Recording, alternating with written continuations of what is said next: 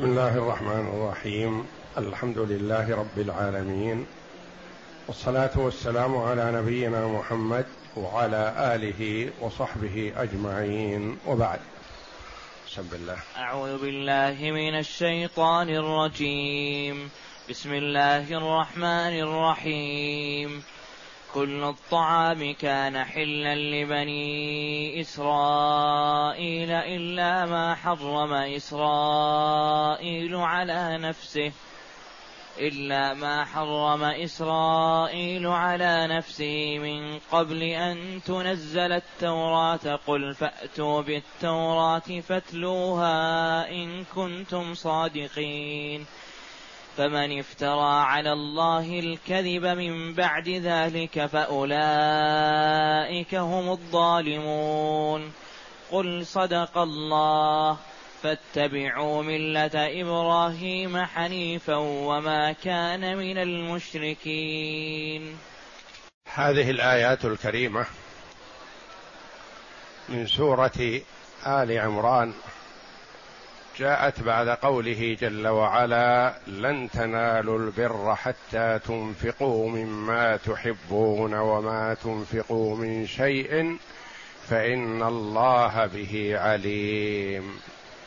كل الطعام كان حلا لبني إسرائيل إلا ما حرم إسرائيل على نفسه من قبل أن تنزل التوراة. الآيات. لما وجه جل وعلا عباده المؤمنين إلى الإنفاق من الطيب وما يشتهونه ذكر جل وعلا أن إسرائيل الذي هو يعقوب ابن إسحاق ابن إبراهيم على نبينا وعليهم أفضل الصلاة والسلام. حرم على نفسه شيئا من الطعام تقربا إلى الله جل وعلا ووفاء له بنذره. فالمناسبة قوية بين الآيتين في أن تلك الأمم يتقربون إلى الله بالامتناع عما أحل الله لهم. وليس لنا ذلك وإنما نؤثر به غيرنا. نتقرب إلى الله جل وعلا بأن نعطي المحتاج من الطعام الذي نحتاج إليه ونفضله.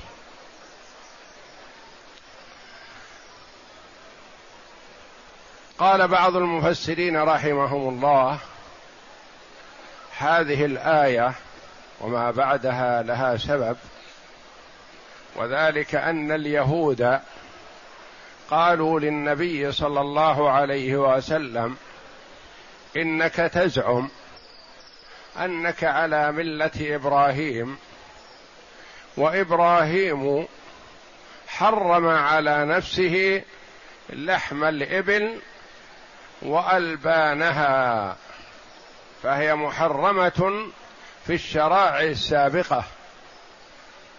فما بالك تستحل ما حرم إبراهيم؟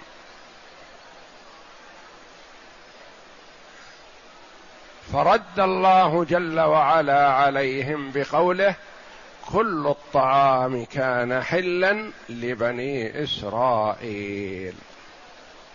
إلا ما حرم إسرائيل على نفسه. فهم يزعمون أن هذا التحريم من آدم ونوح والأنبياء بعده إلى إبراهيم إلى ذرية إبراهيم. ويزعمون قبحهم الله بأنه لا نسخ ما كان شرع فإنه يستمر من أول الدنيا إلى آخرها فلا نسخ. فالله جل وعلا كذبهم بأنه اولا من حيث النسخ فإنه شيء معروف متفق عليه شرعا وعقلا. فإن الله جل وعلا كما جاء أحل لنوح عليه السلام لما نزل من السفينة كل دابة في الأرض. وأحل لآدم أن يزوج بنيه من بناته. وأحل لبني إسرائيل الجمع بين الأختين. فجمع بينهما يعقوب عليه السلام. جمع بين أختين. فالله جل وعلا يشرع ما شاء ثم إذا شاء جل وعلا نسخه. فاليهود يحتجون بهذه الحجة الشيطانية على تكذيب محمد صلى الله عليه وسلم وتكذيب عيسى عليه الصلاة والسلام. قالوا إنهم جاءوا بما يخالف التوراة ولا تشريع وتجديد ولا نسخ لما سبق فليس رسالتهم بصحيحة. لأنهم يقولون أن الشرع إذا جاء مثلا في كتاب ما فإنه يستمر فلا نسخ. والله جل وعلا قرر هذا النسخ والواقع يشهد لذلك. فالنسخ ثابت وإنما قولهم هذا مكابرة. لأجل أن يردوا رسالة محمد صلى الله عليه وسلم ورسالة عيسى عليه السلام. فرد الله جل وعلا عليهم بقوله كل الطعام كان حلا لبني إسرائيل حتى لحم الإبل وألبانها كان حلا له إلا أنه حرمها على نفسه.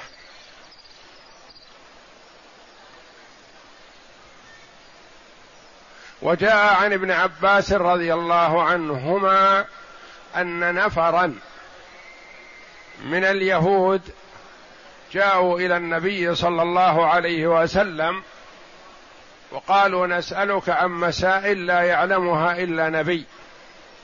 فإن أجبتنا عنها اتبعناك. قال عليكم عهد الله وميثاقه وأخذ عليهم صلى الله عليه وسلم العهود فأعطوه العهود والمواثيق بأنه إن أجابهم اتبعوه. فسألوه هذه الأسئلة فأجابهم عليها كما سيريدها ابن كثير رحمه الله بعد قليل.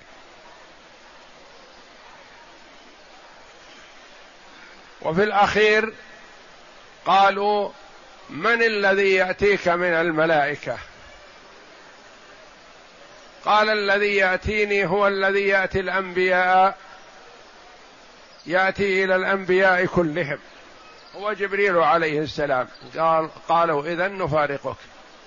جبريل عدونا. لو كان غير جبريل اتبعناك. ما عندهم إلا العناد والمكابرة والحسد.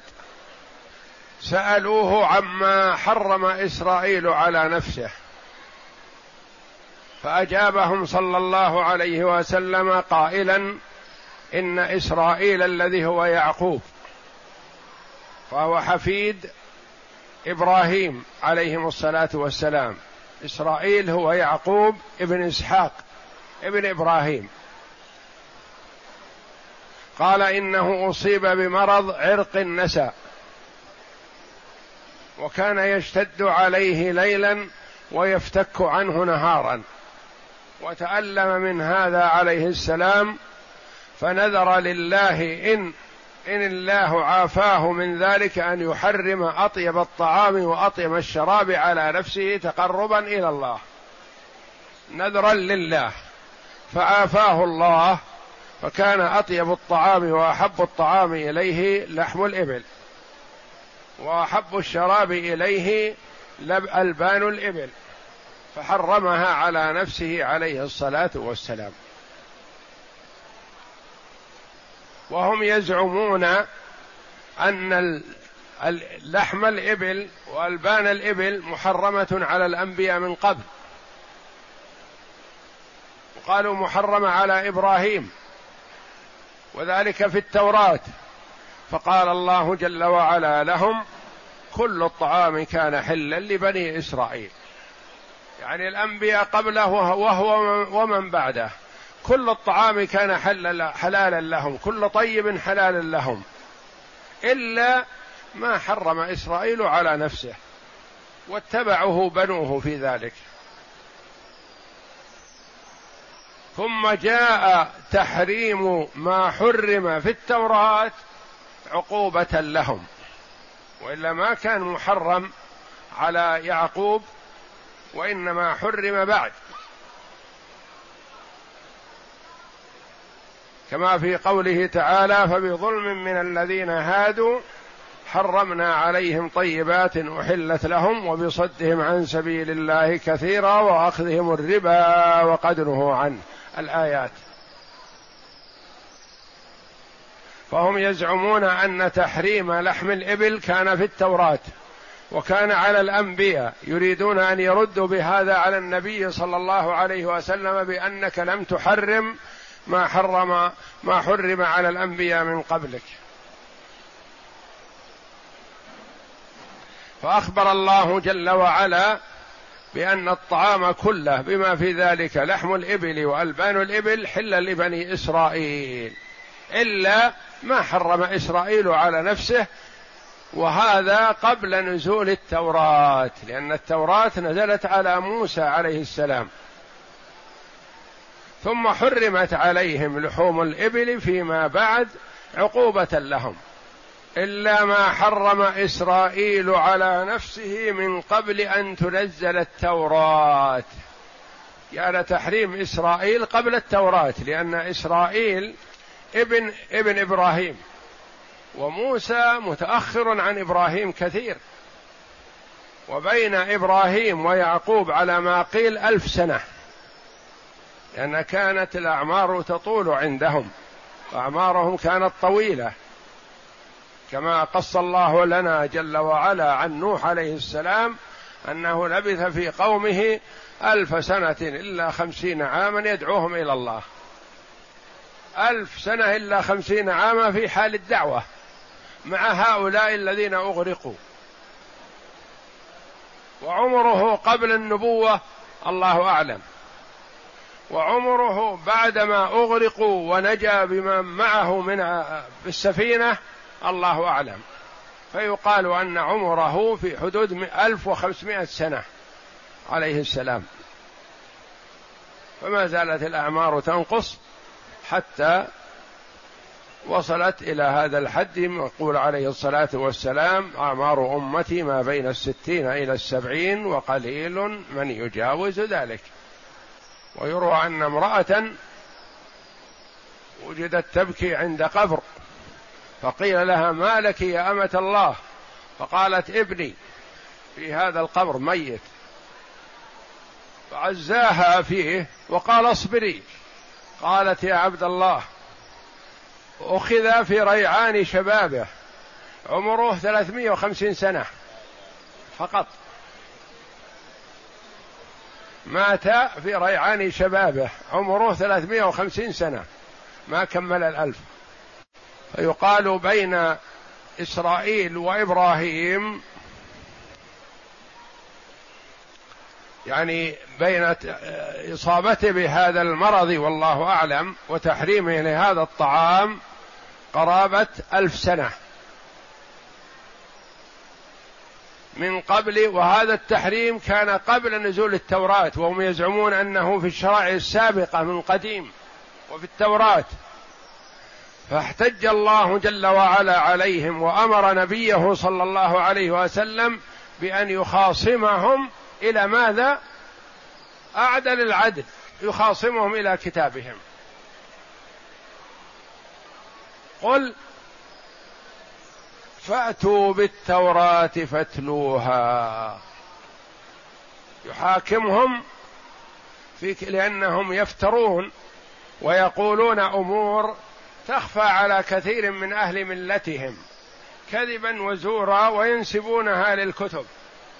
لكتب الله.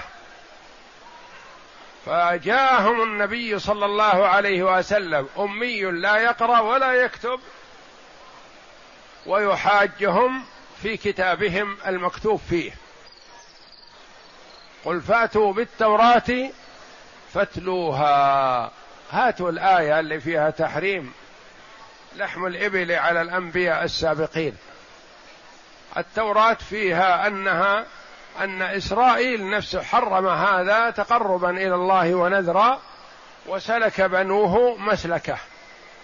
ثم لما نزلت التوراة حرمها الله جل وعلا على الموجودين ربما يكون عقوبة لهم.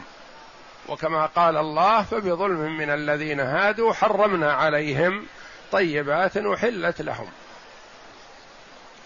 قل فأتوا بالتوراة فاتلوها. اتلوا الآيات التي فيها عن تحريم لحم الإبل وألبان الإبل. إن كنتم صادقين فيما تقولونه فلستم بصادقين وإنما قولكم كذب وافتراء. ثم قال الله جل وعلا فمن افترى على الله الكذب من بعد ذلك فأولئك هم الظالمون. يظهر. إذا جئتم بالتوراة وتلوتموها بظهر من الكاذب؟ ما جاءوا بالتوراة على ما روي أنهم رفضوا أن يحضروا التوراة. إن النبي طالبهم قال احضروا كتابكم وأخرجوا الآية التي فيها التحريم. ما جاءوا بالتوراة لأنهم عرفوا إذا جاءوا بها لن يجدوا فيها هذا وإنما يجدوا التحريم فيما بعد. فمن افترى على الله الكذب والافتراء أشد أنواع الكذب. فإن افترى على الله الكذب من بعد ذلك فأولئك هم الظالمون الواقعون في الظلم المتجاوزون للحد. ثم إن الله جل وعلا أمر عبده ورسوله صلى الله عليه وسلم بأن يقول قل يا محمد قل صدق الله. يعني أنا ما أنا ما أخبرتكم من تلقاء نفسي وإنما أخبرتكم من خبر الله والله جل وعلا صادق. قل صدق الله. فاتبعوا ملة إبراهيم حنيفا. أنا على ملة إبراهيم. والله أخبرني بذلك عن ملة إبراهيم وهو الصادق جل وعلا. فاتبعوها. إن كنتم تزعمون أنكم أتباع إبراهيم فاتبعوني فأنا على ملة إبراهيم. والله جل وعلا استجاب دعاء إبراهيم عليه السلام في قوله جل وعلا عن إبراهيم أنه قال واجعل لي لسان صدق في الآخرين فاليهود يزعمون أنهم أتباع إبراهيم والنصارى يزعمون أنهم أتباع إبراهيم. وكفار قريش يزعمون أنهم على ملة إبراهيم. وليس أحد من هؤلاء على ملة إبراهيم وإنما محمد صلى الله عليه وسلم على ملة إبراهيم. قل صدق الله فاتبعوا ملة إبراهيم حنيفا. حنيف بمعنى مائل عن كل مذهب ضال. مائل عنه مجتنب له معرض عنه على الملة الصحيحة المستقيمة. فاتبعوا ملة إبراهيم حنيفا. وما كان من المشركين. ما كان إبراهيم من المشركين. وأنتم أيها اليهود مشركون لأنكم تقولون عزير ابن الله. وأنتم أيها النصارى مشركون تقولون المسيح ابن الله. وأنتم يا كفار العرب مشركون تقولون الملائكة بنات الله. وإبراهيم ما كان يقول هذا ولا هذا ولا هذا بل كان حنيفا مسلما. وأن الإسلام هو دين إبراهيم. وأولى الأنبياء بإبراهيم أولى الناس بإبراهيم الذين اتبعوه ثم محمد صلى الله عليه وسلم ومن آمن به. إن اولى الناس بإبراهيم للذين اتبعوه وهذا النبي والذين آمنوا.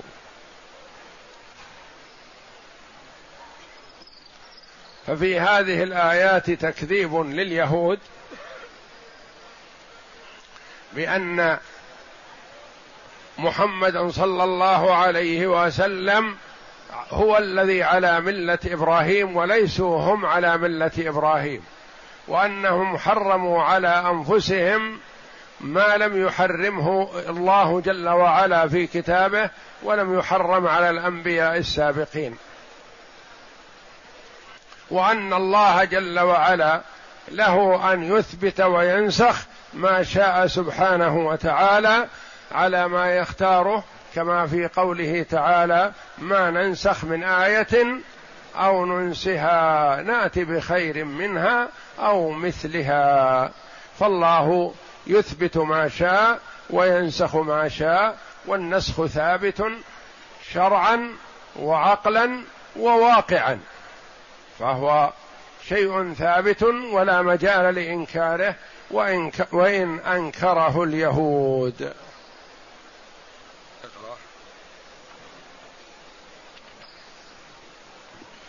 قال ابن عباس رضي الله عنه حضرت عصابة من اليهود نبي الله صلى الله عليه وسلم فقالوا حدثنا عن خلال نسألك عنهن لا يعلمهن إلا نبي. قال سلوني عما شئتم ولكن اجعلوا لي ذمة الله وما أخذ يعقوب على بنيه. لئن أن حدثنا حدثتكم شيئا فعرفتموه لتتبعني على الإسلام قالوا فذلك لك. قالوا أخبر. ذلك لك يعني إذا أخبرتنا بالواقع والحقيقة والصدق لهذه المسائل فإننا نتبعك.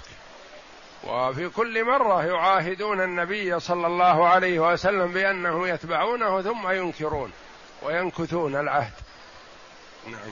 قالوا أخبرنا عن أربع خلال أخبرنا عن عن الطعام حرم إسرائيل على نفسه وكيف ماء الرجل وماء ماء المرأة وماء الرجل.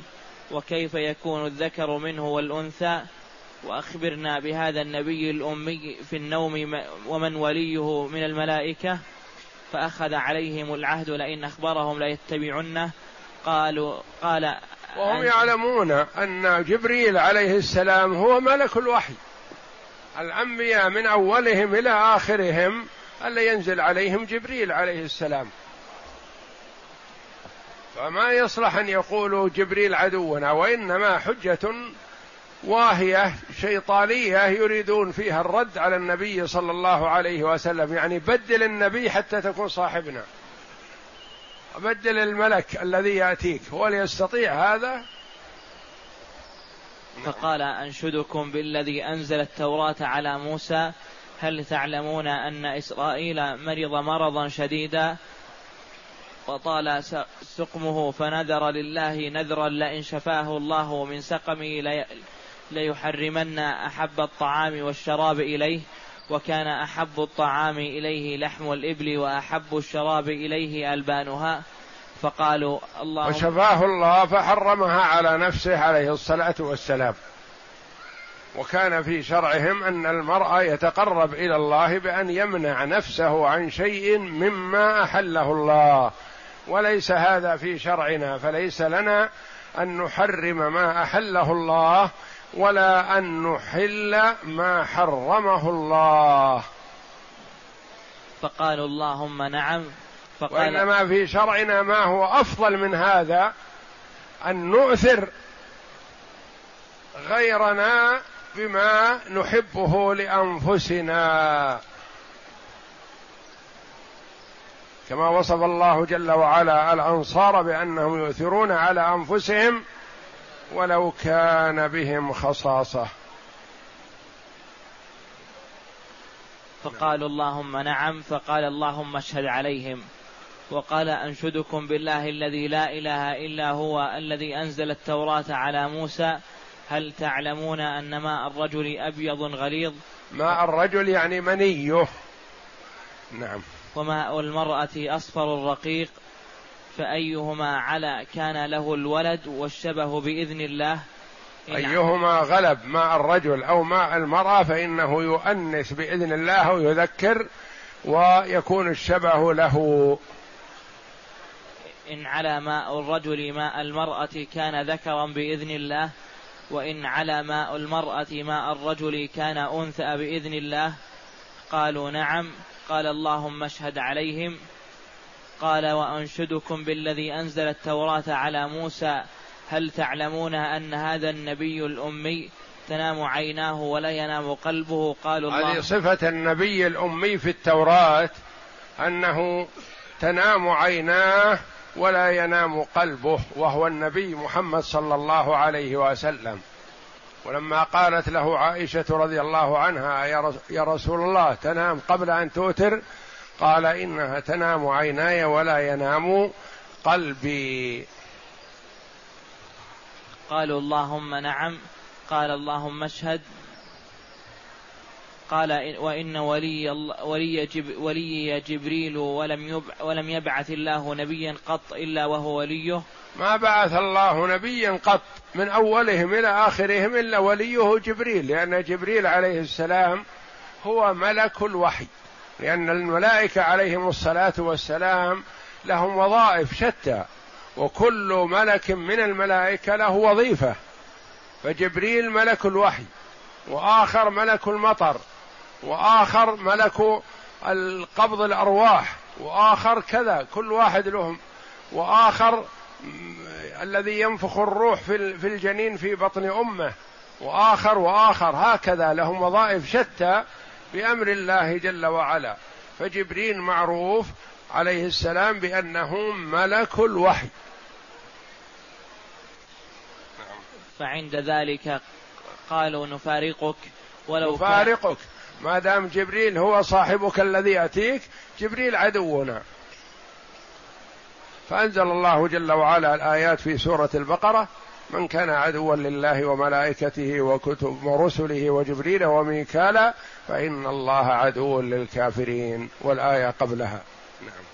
ولو كان وليك غيره لاتبعناك فعند ذلك قال الله تعالى قل من كان عدوا لجبريل الآية وقال ابن جريج عن ابن عباس رضي الله عنه كان إسرائيل عليه ويعقوب يعتريه عرق النساء بالليل. إسرائيل نبي وهو يعقوب عليه السلام ولا يمقت. ما يقال إن مثلا اليهود بنو إسرائيل وإسرائيل كذا إسرائيل نبي عليه السلام وهو أبو لعدد من الأنبياء وأبو الأسباط. الأسباط أبناء يعقوب. نعم. وكان يقلقه ويزعجه عن النوم ويقلع الوجع ويقلع الوجع عنه بالنهار فنذر لله لئن عافاه لئن عافاه الله لا يأكل عرقا ولا يأكل ولدا ولا يأكل ولد ما له عرق. وجاء أن يعقوب عليه السلام كان في البادية. وكما قال الله جل وعلا عن يوسف عليه السلام وجاء بكم من البدو من بعد أن نزغ الشيطان بيني وبين إخوتي. فألف والله أعلم لحم الإبل وألبان الإبل لأنها هي التي حوله ومعه في البادية. نعم. فاتبعه بنوه في ذلك في تحريم ذلك استنانا واقتداء بطريقته وقوله تعالى من قبل أن تنزل التوراة أي حرم ذلك على نفسه من قبل أن تنزل التوراة. قال تعالى قل فأتوا بالتوراة. يعني أن التوراة حجة عليكم. يعني هذا التحريم قبل نزول التوراة. ما يقال إن هذا التحريم مثلا إنه بعد ما نزلت التوراة ما جاء ذكر هذا في التوراة. بل جاء ذكر هذا في التوراة أن يعقوب حرم على نفسه كذا وكذا. فالتحريم كان منه عليه السلام قبل نزول التوراة لأن يعقوب متقدم قبل قبل موسى وهارون عليهم الصلاة والسلام. قال تعالى قل فأتوا بالتوراة فاتلوها إن كنتم صادقين. فإنها يعني نحاجكم ونخاصمكم على كتابكم مع على نتحاكم إلى كتابكم الذي بأيديكم. وهذا أوفى ما يكون من الخصم. تقول مثلا لصاحبك أخاصمك بما في يدك من كتاب. أخاصمك بالصك الذي معك ورثته من أبيك مثلا. وهكذا. يعني أنك تقول حجتي عندك. الذي أحتج به عليك معك يعني ما شيء يخفى عليك. فإنها ناطقة بما قلناه قال تعالى فمن افترى على الله الكذب من بعد ذلك فأولئك هم الظالمون. أي فمن كذب على الله وادعى أنه شرع لهم السبت والتمسك بالتوراة دائما وأنه لم يبعث نبيا آخر يدعو إلى الله تعالى بالبراهين والحجج بعد هذا الذي بيناه من وقوع النسخ وظهور ما ذكرنا فأولئك هم الظالمون. ثم قال تعالى قل صدق الله أي قل يا محمد صدق الله فيما أخبر به وفيما شرعه. أنا ما أتيت بشيء من عندي وإنما الذي أخبرني الله والله جل وعلا صدق فيما أخبر. ومن أصدق من الله قيلا. وفيما شرعه في القرآن. قال تعالى فاتبعوا ملة إبراهيم حنيفا قول صدق الله العظيم بعد القراءة. هذه كلمة حق. صدق الله العظيم لا شك. لكن اتخاذها دائما وابدا بعد الانتهاء من القراءة هذا خلاف السنة. يعني لو قال الإنسان قرأ وقال عند نهاية قراءته صدق الله العظيم ما ننكر عليه لأنه صح كلام صحيح. لكن إذا استمر على هذا دائما وأبدا نقول لا يا أخي هذه ليست واردة في هذا الموطن تتمسك بها. هذه كلمة حق لكن قلها أحيانا واتركها أحيانا. مثل مثلا من يقول بين الركن اليماني والحجر الأسود ربنا آتنا في الدنيا حسنة وفي الآخرة حسنة وقنا عذاب النار.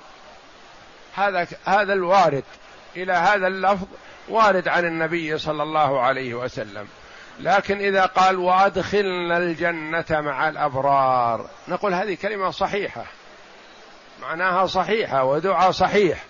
لكن إذا ثبتها دائما وأبدا بعد هذه اللفظة لا أصبحت غير لائقة.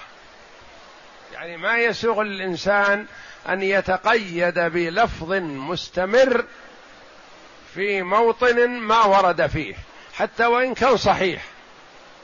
قد يكون اللفظ صحيح لكن التمسك به في هذا الموطن دائما وأبدا نقول هذا خلاف السنة يا أخي. مثل الإنسان يقرأ الفاتحة باستمرار لا حرج عليه. لكن لو أنه اتخذ إذا دخل مع باب المسجد أخذ ذات اليمين وأخذ ذات الشمال ووقف يقرأ الفاتحة. نقول لا يا أخي ابتدعت. هذه بدعة. تقول يقول مثلا تنكرون علي قراءة الفاتحة؟ نقول لا ما ننكر عليك قراءة الفاتحة. ننكر عليك اتخاذها في هذا الموطن باستمرار.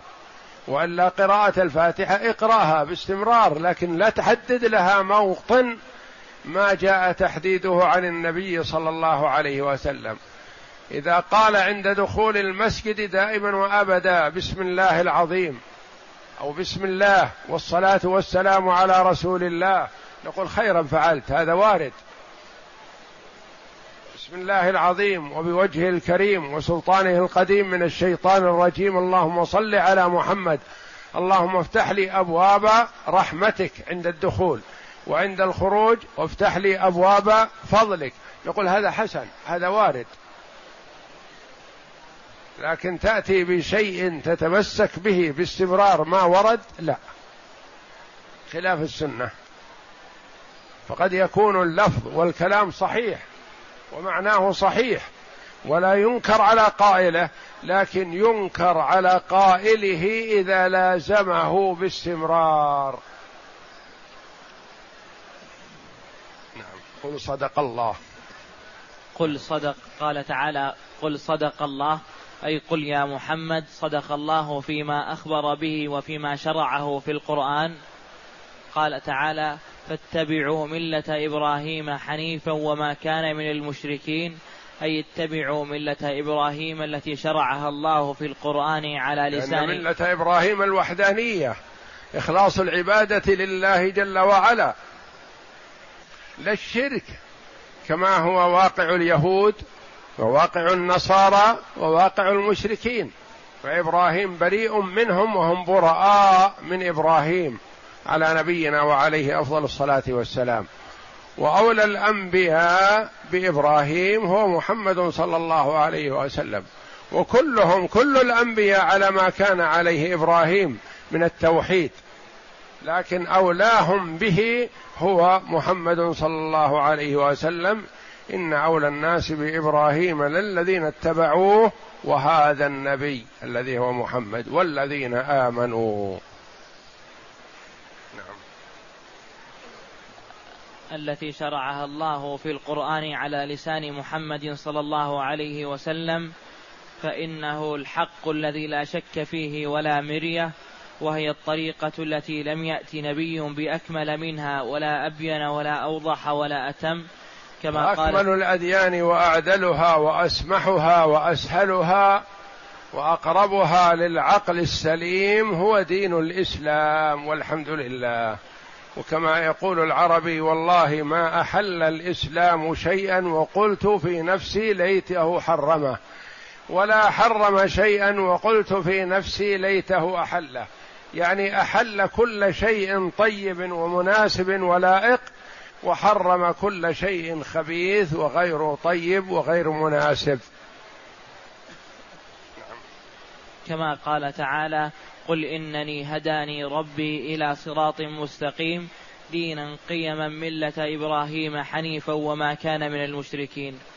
وقال تعالى ثم أوحينا إليك أن اتبع ملة إبراهيم حنيفا وما كان من المشركين. والله أعلم وصلى الله وسلم وبارك على عبد ورسول نبينا محمد وعلى آله وصحبه أجمعين.